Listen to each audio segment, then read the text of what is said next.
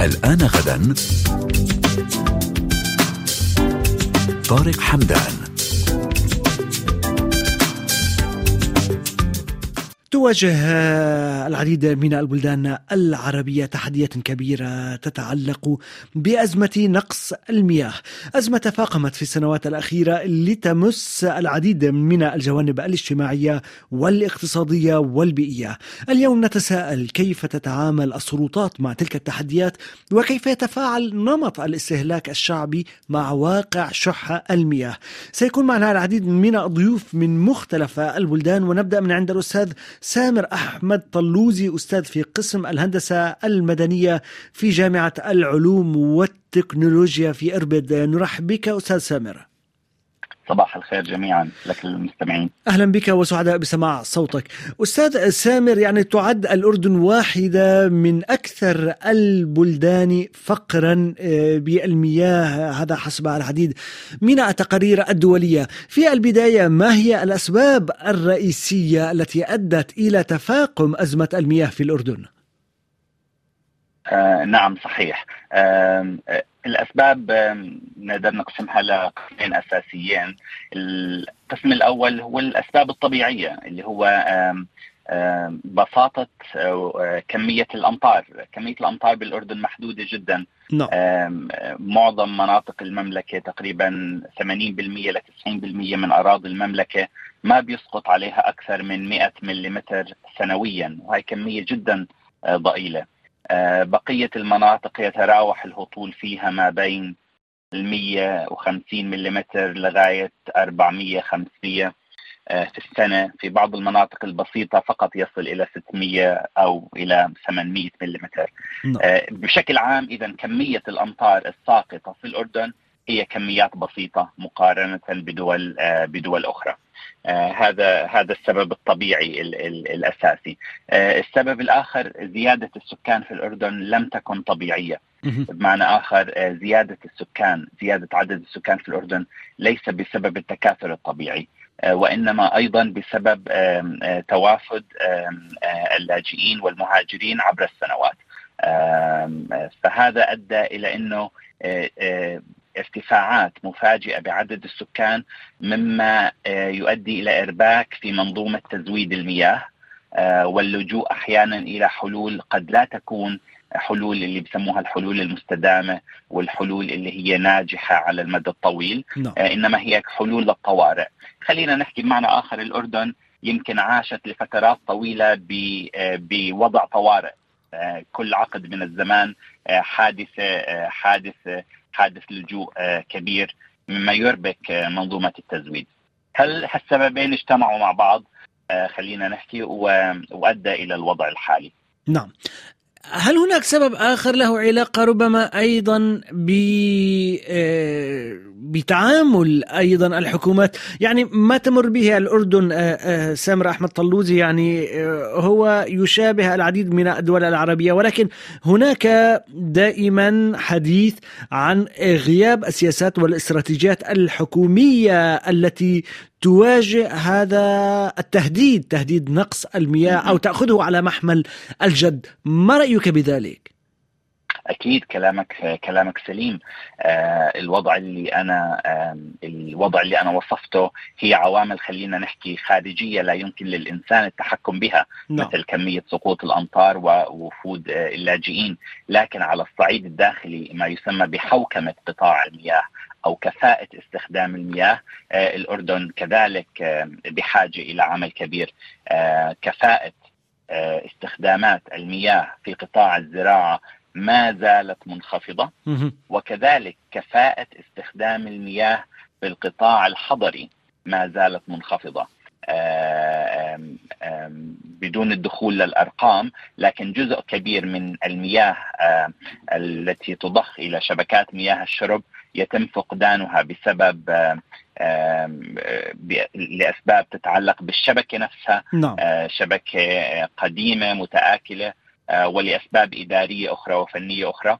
وكذلك المياه التي تزود للمزارعين آه، لا يتم استخدامها بالكفاءة العالية. فهاي أسباب داخلية آه، لابد من كمان العمل عليها بشكل أكبر للمساهمه في حل مشكلة المياه. أنا اللي بحكيه نعم. بشكل عام إنه حل مش قبل الوصول للحلول تشخيص المشكلة الفكرة إنه دائما حل مشكلة المياه يتأتى من إيجاد مصادر جديدة هاي فكرة ليست سليمة الأساس إنه كمان ننظر لما هو متوفر حاليا وكيفية استخدامه وكيفية زيادة كفاءة استخدام ما هو متوفر حاليا. مع نعم. النظر إلى توفير مصادر. إيه، أستاذ سامر اسمح لي أن أقرأ لك الرسالة التي تصلنا من ياسر أبو العوف من العراق. ياسر يقول أزمة المياه مرتبطة بعدة عوامل منها اقتصادية ومنها سياسية. هو يتحدث عن العراق يقول في العراق هناك مشكلة كبيرة في البنية التحتية الخاصة بالمياه وهذا سبب اقتصادي. وبالنسبة للأسباب السياسيه السياسية آه، هناك هناك إغلاق من بلدان البلدان المجاورة لمنابع الأنهار التي كانت تصب في العراق. تعليق صغير قبل أن ننتقل آه، إلى الأستاذ وائل يمين. أستاذ سامر. آه لا شك أنا بأيد الرسالة اللي بعثها المستمع الكريم للأسف الشديد في الشرق الأوسط بشكل عام في الشرق الأوسط بشكل عام شاملا آه، إسرائيل الأردن لبنان آه، سوريا تركيا وإيران والعراق. دول المصب دول المنبع من نعم. دول المنبع الدول التي تنبع منها الأنهار لا تحترم دول المصب. احترام الحقوق المائية في الشرق الأوسط معدوم. آه، إلا ما ندر. آه، وهو نوعا ما آه، ولو انه هذا مش موضوع البرنامج لكنه كمان هو هو مؤشر للحالة العامة من كذلك حقوق الإنسان. فأنا بعتقد دائما حقوق الإنسان وحقوق المياه إذا احترمت تحترم جميعا وإذا لم تحترم لا تحترم جميعا. نعم. للأسف الشديد كلمة المستمع آه، آه، في محلها. طيب سامر أحمد طلوزي نتمنى أن تبقى معنا ينضم إلينا وائل يمين آه، مهندس زراعي وعضو في جمعية تراب للبيئة من لبنان. نرحب بك أستاذ وائل. مرحبا كيفكم؟ ماشي الحال؟ أهلا بك وسعداء بسماع صوتك. شكرا على تلبية الدعوة. أستاذ وائل يمين استمعنا إلى دكتور سامر طلوزي قبل قليل. أشار إلى العديد من الأسباب. أشار إلى النمو السكاني الغير متوقع. أشار إلى النشاط الصناعي الزراعي. إلى أيضا غياب السياسات والاستراتيجيات الحكومية. أريد أن أسألك يعني آه، في موضوع يتعلق بالتغير المناخي. هل كان التغير المناخي واحد واحدا من ربما أبرز الأسباب التي فاقمت أزمة المياه في المنطقة العربية أم لا؟ آه، التغير المناخي هو آه، سبب أساسي بشح المياه أو ب آه، يعني عدم انتظام الري لأنه نحن يعني بهيدي الفقرة عم نحس إنه عم بيكون في مياه كثيرة بس عم تجي متقطعة أو عم تجي كلها بمرحله وحدة وبعدين تنقطع عنا يعني ممكن يكون أثر أساسي أو سبب أساسي لتقطع المياه بالنسبة للمتساقطات. بس آه، أنا بدي اضيف شغلة على اللي انحكى هو إنه الإنسان ما بيشوف غير المياه المرئية. يعني نحن بالنسبة لنا بهمنا النهر بهمنا آه، يمكن بهمنا النهر بهمنا المكان الينبوع بهمنا المكان يلي نحن عم نقدر نستغل منه المياه آه، آه، يلي عم نشوفها. بتكون هي مياه نظيفة أكيد. بس في عدة أساليب أخرى نحن بنقدر نحصل عليها للمياه وهي مياه غير مرئية بنسميها. يعني آه، متوفرة هيدي المياه بس هي غير مرئية ما بنشوفها نحن آه، بعيوننا مثل مثلا مياه جوفية أو ممكن تكون هي مياه داخل آه، أنظمة معينة مثل مثلا الشجر هي بيتخلى مياه. ف مثلا القدماء كانوا يتبعوا المياه من خلال مثلا صبير مطرح ما في صبير أو صبر الكاكتس نعم. آه كانوا يعرفوا إنه هناك في رح يقدروا يلاقوا المياه وكانوا يقدروا آه يحصدوا الصبار كما يقدروا يطلعوا منه المياه نعم فالمياه آه المياه اللي نحن عم نشوفها هي اللي عم تشح بس فعليا المياه الغير مرئية هي كبيرة وخصوصا بمنطقة سنعود سنعود إلى هذا الموضوع عندما نصل إلى آه، ربما نقطة الحلول أستاذ وائل يمين. أستاذ وائل يمين أنت مهندس زراعي. يعني آه، هناك أصابع اتهام آه، تشار دائما إلى قطاع الزراعة في البلدان العربية أن هذا القطاع لم يتطور. أساليب الري أيضا لم تتطور منذ العقود أيضا وهناك دعوات ربما باشرت فيها بعض الدول العربية بمنع زراعة بعض المحاصيل هل تعتقد أن هناك حاجة ماسة لمراجعة أساليب الزراعة في المنطقة العربية؟ نعم بعض بعض الزراعات الحديثة وسببها تصريف الإنتاج إلى الاتحاد الأوروبي والى البلدان الخليج أثرت كثير على منسوب المي واكبر مثل هو الدلاع أو البطيخ اللي بمنطقة تونس نعم. أو بمنطقة المغرب. آه، جنوب المغرب آه، زراغوزا عمل ضجة كثير كبيرة بال 2021 بموسم الجفاف. وقت آه، يعني مات البلح الأصيل يلي موجود بالمنطقة. هنيك بسبب ضخ المياه الآبار الارتوازية لري البطيخ آه، وتصديره.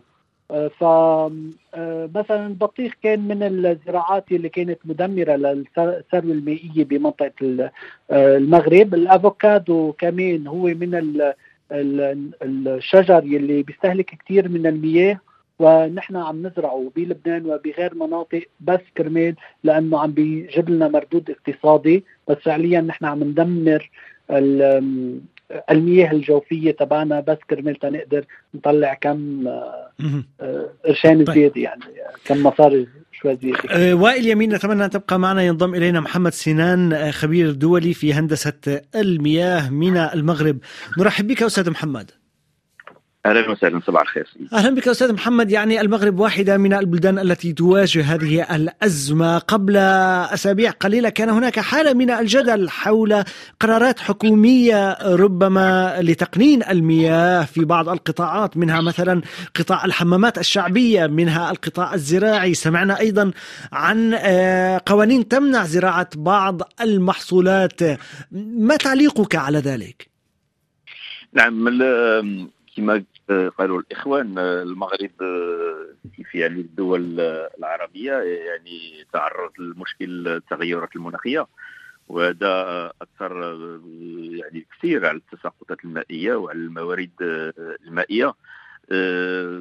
شيء عادي على أنه تكون بعض يعني التدخلات في قطاعات باش يعني المواطن ينقص من تبذير المياه كالحمامات كغسل السيارات. نعم. بعض المنتوجات الزراعية لأنه يعني اليورسونس رقم واحد هي هي الماء الشروب يعني ماء الشرب. نعم. الحكومة تعطي الأولوية الكبرى والقصوى للماء الشروب قبل أي آخر. طيب أستاذ محمد سنان يعني على الرغم من شح المياه في الكثير من البلدان العربية يقال إن كميات كبيرة تهدر منها يوميا سواء من قبل الجهات الحكومية أو من قبل المواطنين من قبل نمط الاستهلاك هل هناك وعي بما يكفي تجاه مسألة فقر المياه في هذه البلدان برأيك أم لا؟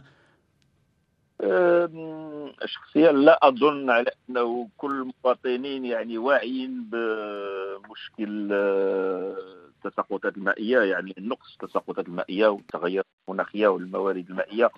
يعني المواطن آه، البسيط آه، لا يعرف هذه الإشكاليات. حيث عندما يكون الماء في الصنبور يستعمله. هذا هو من الحكومة يعني تعمل جهد كبير لتحديث المواطن على أنه المغرب كما الدول البحر الأبيض المتوسط تعاني من مشكل ندرة المياه نعم. التي تتفاقم مع مشكل التغيرات المناخية وعليه كل مواطن عليه أن يبذل جهدا كبيرا ل يعني عدم تبدير هذه هذه الموارد يعني المهمة جدا والضاء إلى نعم. طيب. سهام من الأردن تكتب لنا تقول هناك عتب كبير على المواطن جزء كبير من المواطنين لا يعون مشكلة نقص المياه وكميات كبيرة من المياه تهدر سواء في المنازل أو حتى في الشوارع. مشهد غسيل السيارات وحتى مشهد اللعب بالمياه هو مشهد يكاد يكون شبه عادي في الكثير من المدن. أريد أن أعود مرة أخرى إلى سامر أحمد طلوزي أستاذ قسم الهندسة المدنية في جامعة العلوم والتكنولوجيا. أستاذ سامر أحمد أريد أن أتوقف عند رسالة المستمعة سهام من الأردن. برأيك كيف يعني يتفاعل نمط الاستهلاك مع واقع شح المياه؟ أكيد. بالواقع في الأردن ومنذ أكثر من 20 أو 25 سنة المواطنين في منازلهم لا تصلهم المياه إلا مدة يوم في الأسبوع نعم. وأقل من يوم في الأسبوع. مثلا في الحي اللي أنا بسكن فيه بتأتي المياه أو يوم الثلاثاء لمدة ست ساعات بنعبي الخزان الأرضي وبالتالي إحنا بنستخدم هاي المي بقي لأسبوع كامل تمام؟ آه فبشكل عام أنا برأيي آه كمواطن في الأردن آه وتعود على إنه الاقتصاد في المياه وأنا في الحي اللي ساكن فيه مرة بالأسبوع لكن بعض الأحياء الأخرى تصل المي فقط مرة كل أسبوعين وفي حالات قليلة جدا تصل المي أنا بحكي هون المي المزودة من البلدية من نعم. الحكومة نعم. تصل المي مرة بالشهر وعلى المواطن انه يكون عنده خزان أرضي يخزن فيه كمية المياه التي تصله واستخدامها للمدة ما بين أستاذ سامر يعني نعم يعني يعني أنت تشير إلى نقطة ربما في غاية الأهمية وتعطي مثالا عن واقع المياه في الأردن. خبرتنا يعني المي بتيجي مرة أو مرتين بالأسبوع كيف يتدبر الناس أمورهم؟ تمام ممتاز جدا. عبر السنوات الناس تأقلمت مع الوضع. كيف يعني؟ آه في اليوم اللي بتيجي فيه المي اللي بده يغسل السيارة بغسلها هذاك اليوم تمام؟ no. اللي عنده أعمال تستهلك مياه كثيرة مثل غسيل الملابس بيغسل بهذاك اليوم. فالناس تأقلمت. فأنا بالنسبة لي بالأردن بصراحة ما بحب إنه ينضغط على الناس أكثر من هيك. الهدر في شبكة المياه يكون قبل أن تصل المياه للمواطن. الشبكة تخسر 40% من ما يتم ضخه فيها قبل أن تصل للمواطن وهي ليست مسؤولية المواطن هاي مسؤولية الجهات المسؤولة عن الشبكات. تمام؟ آه فأنا برأيي كمواطن أردني آه تأقلم عبر السنوات. وبالفعل يعني في كثير ناس بيستغربوا لما أنا أحكي هذا الشيء. بس إحنا ما عندنا مي كل يوم. صحيح الأردن كدولة استثمرت بشكل كبير 95% من المواطنين الأردنيين واصلتهم شبكة المياه. يعني الانفراستراكشر موجود. نعم. ولكنه جزء منه قديم جزء منه متهالك في بعض الاعتداءات على الشبكات وهذا هو اللي بيخلي نسبة فقدان المياه تصل إلى 40% لكن كانفراستراكشر موجود تزويد المياه مقنن بنسميه مقنن إنه مرة بالأسبوع نعم. أو مرة بالأسبوعين والمواطن تأقلم فكمواطن أنا برأيي قام بدوره أكيد في اليوم طب. اللي بتيجي فيه المية لأنه الكل الحي بيكون بده يغسل السيارات مه. كل الحي بيكون بده يعمل الأعمال اللي حكيت لك بتستهلك مياه نعم. فتبدو كأنه هذاك اليوم إنه في هدر للمياه وهو ليس كذلك بس طيب. يمكن الأخت... سامر يعني سامر طلوزي أشرت إلى رقم ربما مخيف يجب أن نتوقف عنده. يعني نعم قلت نعم. إنه نسبة هدر المياه في شبكات الصرف الصحي في البنية التحتية 40% يعني عم نحكي تقريبا ما يقترب إلى النصف هل تتعامل الحكومة مع هذا الموضوع؟ هل مسألة تجديد شبكات المياه هي مسألة في غاية التعقيد؟ لماذا لا يتم؟ ربما ترميم هذه الشبكات. تمام تمام. اولا هي اسمها شبكات شبكات مياه الشرب. نعم. آه لأن شبكات الصرف الصحي هي اللي بتأخذ مياه العادمة بتو... آه من البيوت خارج البيوت وبتوديها لمحطات نعم. معالجتها. لكن شبكات المياه نعم. قديمه ومتهالكه إذا بتتذكر أنا حكيت لك في البداية مشكلة الأردن الزيادة السكانية اللي هي غير متوقعة. مثلا إحنا من 2011 مع الأزمة السورية دخل للأردن حاليا عدد ال ال الإخوة اللاجئين السوريين في الأردن يفوق المليون. تمام؟ آم آم آم ولكن ويعني ولكن حتى مشكلة المياه هي موجودة قبل العام 2011 أكيد أكيد. اللي اللي عم بصير إنه كالآتي كل ما يصير أزمة لجوء بيكون الاستثمار بشبكات التزويد بتوسيع الشبكة بإيجاد مصادر جديدة بإيجاد مصادر بديلة. آه، التركيز دائما على التزويد الإضافي نعم. لم يتح المجال أعتقد إلى التركيز على نواحي أخرى مثل صيانة الشبكات، تجديد القديم منها وإلى لكن أنا بعرف إنه في آه، في استثمارات حالية كبيرة لكن إصلاح الشبكات التالفة مكلف جدا صعب جدا إنك تعرف وين التلف. هذا جزء. وبالمناسبة ال 40% أنا حبيت أكون متحفظ قد تصل إلى أكثر من ذلك في بعض المحافظات الأردنية وهي جزء منها ما نسميه الخسارة الفنية اللي هي نتيجة لاحتراء الشبكات وجزء منها إداري بمعنى. نعم. اللي هو الكلمة المخففة لكلمة السرقات no. أو الاعتداءات على الشبكات فلا كفاءة تزويد شبكات المياه في الأردن منخفضة جدا ويجب العمل عليها يجب الاستثمار فيها آه، مع التفكير بإيجاد مصادر جديدة قد تكون زي اللي هلا عم بيفكروا فيه تحليه مياه بحر ومن غيره. لكن لابد من العمل البعض يتساءل أستاذ سامر آه، أحمد البعض يتساءل لماذا فعلا هذه الدول التي تعاني من نقص مياه كبير نتحدث عن الأردن نتحدث عن العراق تونس المغرب والكثير من البلدان لا تلجأ إلى تحلية مصادر يعني تحلية مياه البحر. ما المانع من ذلك؟ كان في السابق الكلفة العالية كان في السابق عدم توفر المعرفة بإدارة هذه الأنظمة لكن حاليا الأردن آه، استثمرت في هذا المجال وأعتقد أول مشروع آه، كبير أو أول مشروع على مستوى الدولة آه، الآن في مراحله النهائيه وأعتقد إنه كمية التزويد ستصل إلى 300 مليون متر مكعب سنويا وهذا رقم بالنسبة للأردن كبير. لا شك الكلفة كلفة الطاقة كلفة الطاقة كانت عالية. أعتقد الأردن اشتغلت في الفترة الأخيرة على اللجوء إلى الطاقة الشمسية لتخفيف من كلفة مشروع هكذا. نعم. وأنا بعتقد أنه كافة الدول العربية آه، الشمس الطاقة الشمسية متوفرة. فلا بد من التفكير بتحلية مياه البحر باستخدام أو بالاعتماد بشكل كلي أو بشكل كبير على الطاقة الشمسية بحيث تخفف الكلف بيتبقى في مشكلة ثانية. مثلا على سبيل المثال في الأردن الأكسس أو الوصول إلى البحر هو في مدينة العقبة في نعم. جنوب الأردن. بعد ما بعد ما يتم تحلية المياه في العقبة لابد من ضخها إلى مراكز السكانية في الوسط والشمال في عمان مثلا. وهون بنحكي عن تقريبا مسافة تزيد عن 350 كيلومتر أكثر من 300 طيب. كيلومتر نعم. ففي كلفه ضخ لا شك. هنا هناك تحديات كثيرة. اذا آه، سامر أحمد اسمح لي أن أقرأ رسالة المستمعة آه، رشا من مصر. آه، رشا تقول هناك مشكلة أيضا بإعادة تدوير المياه كميات كبيرة من المياه لا يتم إعادة تدويرها.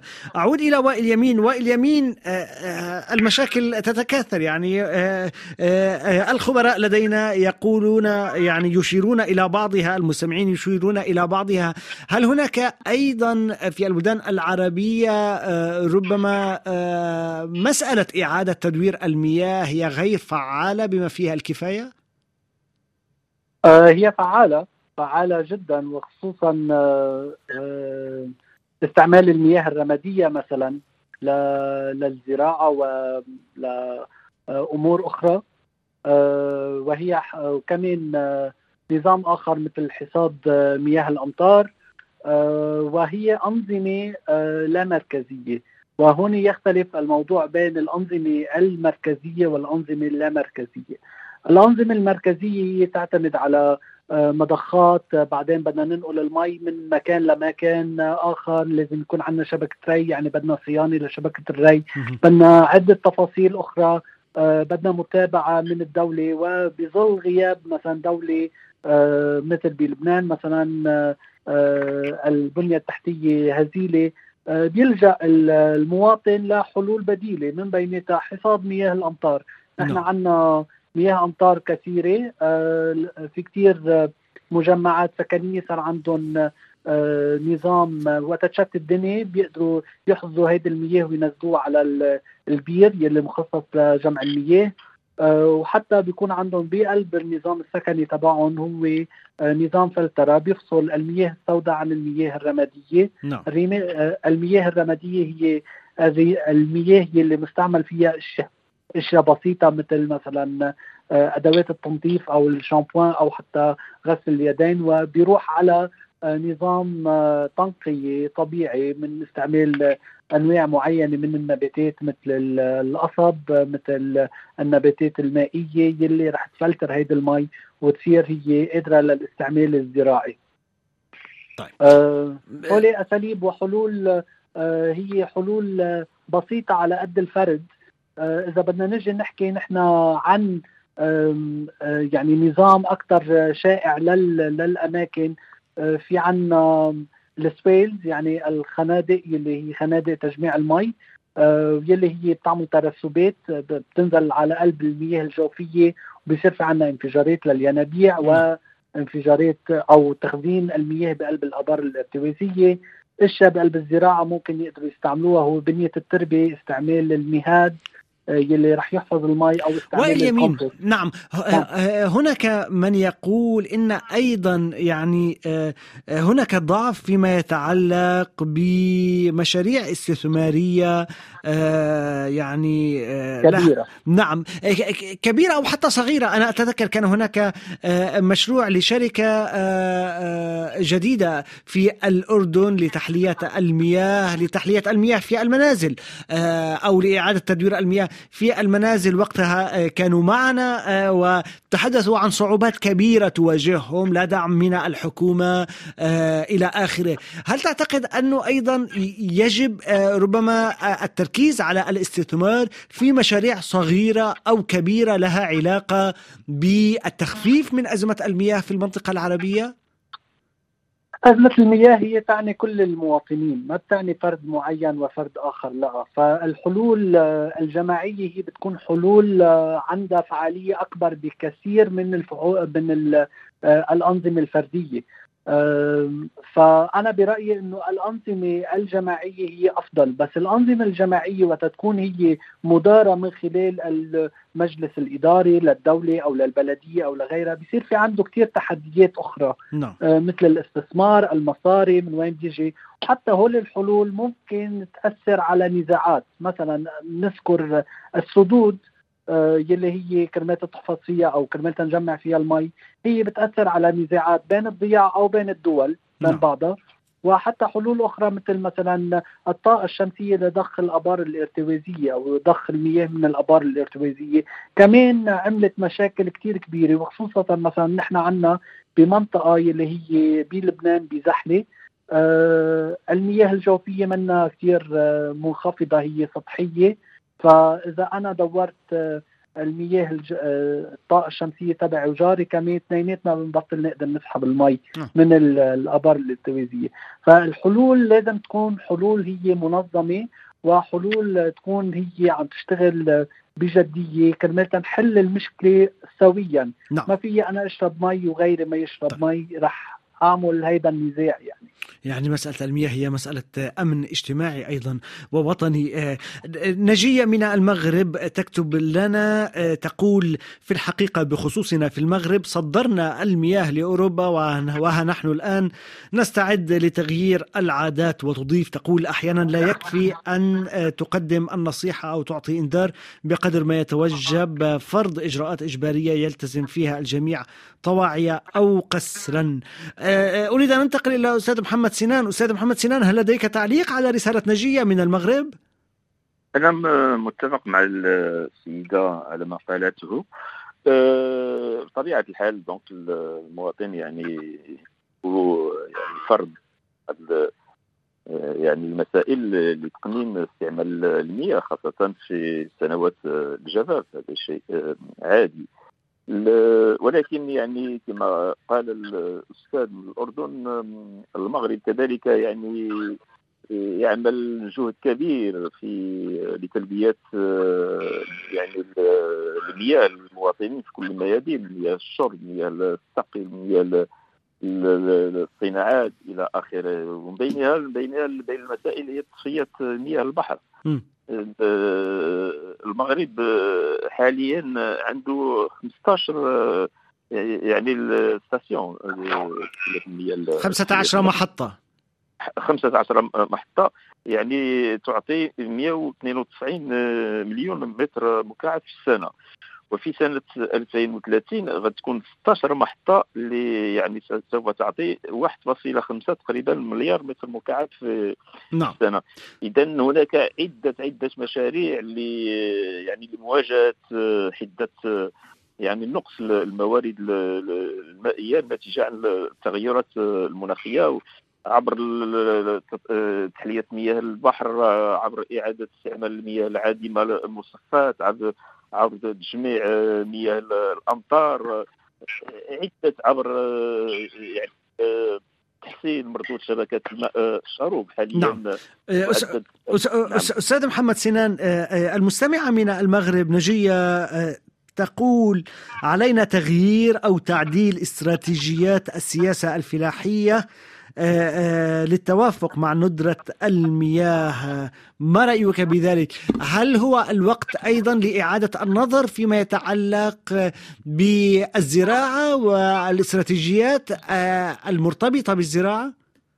أنا متفق مع الأخت بطبيعة الحال يعني دائما يعني يجب اخذ بعين الاعتبار الموارد المائية الموجودة في لتلبيه القطاعات خاصة القطاع الزراعي اللي يستعمل أكثر من 85% من الموارد المائية المعدلة. بطبيعة الحال.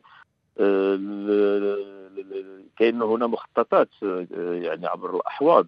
وهذه المخططات يعني تأخذ بعين الاعتبار الموارد المائية الحالية الموجودة وكذلك يعني حاجيات القطاعات التي تستعمل المياه كالمياه مياه الري. نعم. اذا هناك يعني تفكير جدي في ملائمة يعني الاستراتيجية خاصة استراتيجيه الفلاحه لتكون موافقة مع طيب. الموارد المائية آه، الحالية وليس اللي كنا يعني كانت معروفة نعم. في الماضي. طيب آه، آه، أعود إلى الأستاذ سامر طلوزي، أستاذ سامر ما هي الأولويات الآن؟ كيف يمكن الحد من هذه الأزمة؟ نتحدث عن نقص المياه طبعا. لا شك أعتقد لازم آه، كأولوية لازم والجميع متفق من كل المداخلات اللي أنا سمعتها من الزملاء الكرام آه، الحل لمشكلة المياه ليس حل واحد وإنما هي منظومة متكاملة تعتمد على ثلاث ثلاث محاور أساسية. اولا البحث عن مصادر جديدة وهو مثلا تحلية مياه البحر إحدى هذه الأمثلة، نعم. لكن ذكرت أمثلة أخرى مثل الحصاد المائي وغيره. اذا المحور الأول هو البحث عن مصادر مياه جديدة، لكن المحور الثاني والذي لا يقل أهمية هو زيادة كفاءة الاستخدام سواء في القطاع الزراعي الصناعي أو حتى الحضري السكاني. اذا محور أول ومحور ثاني، أما المحور الثالث وهو حتى نكون إحنا جاهزين لأي متغيرات آه، آه، غير متوقعة كحروب كتغير مناخي أو غيره لابد من تنويع مصادر المياه لابد من إنه كل دولة يكون عندها تنوع مصدر سطحي مصدر جوفي مياه معالجة آه، تنوع المصادر مهم جدا. هاي المحاور الثلاثة من البحث عن مصادر جديدة زيادة كفاءة الاستخدام وكذلك تنويع المصادر أعتقد ضمن هالمنظومة آه، إذا تم البحث فيها في كل دولة آه، بالتشارك بين الدول اللي تجمعها مصبات مياه واحدة أعتقد إنه ممكن نجد حلول للمستقبل. نعم آه سؤال يصلنا من ياسر من موريتانيا يقول ياسر سمعنا كثيرا عن مشاريع صغيرة لإنتاج المياه من خلال الهواء أو الأكسجين هل هذا واقعي فعلا؟ هل هذا واقعي أستاذ وائل يمين؟ آه هو بعض الشيء هو واقعي مثلا بتبت بالهيمالايا هن بيستعملوا أنواع من الحديد كرمال تجمع عليهم الرطوبة وهيدي آه، فعليا هي تكنولوجيا قديمة تعود تاريخها للشرق الأوسط وبلاد ما بين النهرين وقت كانوا يزرعوا الشجر كانوا يحطوا الصخور على الشجر يحطوا حجار. نعم. وقت يجي الهواء الليلي اللي بيكون بحمل بالرطوبة بيعلق الندي على الأحجار وبينزل الترسبات تبعه لمطرح ما موجود يعني ساق الشجرة وبيرويها ففي تكنولوجيا حديثة عم تطبق كمكانات كرمتها نقدر نحصد فيها المياه وهي فعليا بنقدر نحن نحلها بأشياء بدائية كانت موجودة عنا. بس لأنه عصرنا تبدل تغير نعم. صار بحاجة لتكنولوجيا بحاجة لطاقة لإنرجي بحاجة لكهرباء. كرمالنا نعمل هول الأشياء ف آه، ونمط حياتنا تغير. صرنا نحن بحاجة لهول التكنولوجيا نعم. شكرا جزيلا أستاذ وائل يمين المهندس الزراعي والعضو في جمعية تراب للبيئة. اوجه الشكر إلى كل الضيوف الذين كانوا معنا. الدكتور سامر أحمد طلوزي أستاذ في قسم الهندسة المدنية في جامعة العلوم والتكنولوجيا من الأردن والأستاذ محمد سنان الخبير الدولي في هندسة المياه من المغرب. شكرا لكل المستمعين الذين كانوا جزءا من هذا النقاش.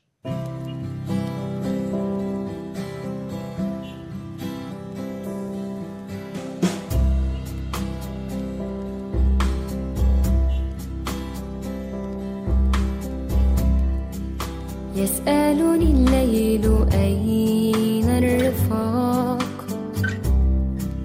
وأين رحيق المنى والسنين؟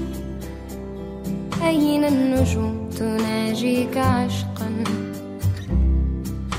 وتسكب في راحتيك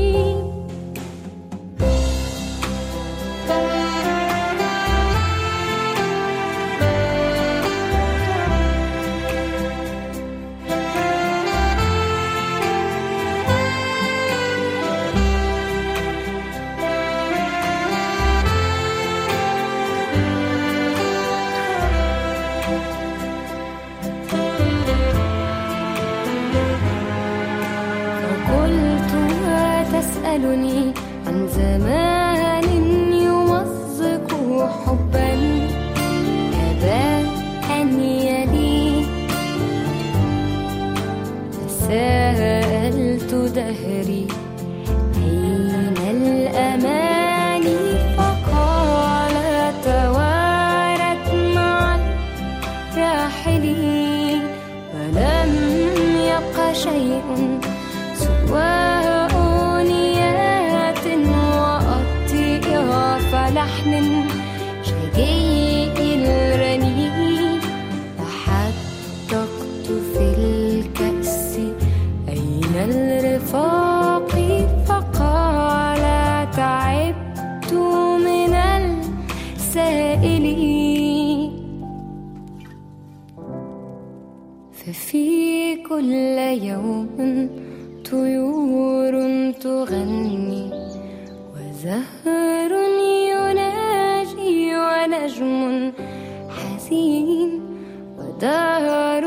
تسائلني مقلتها. متى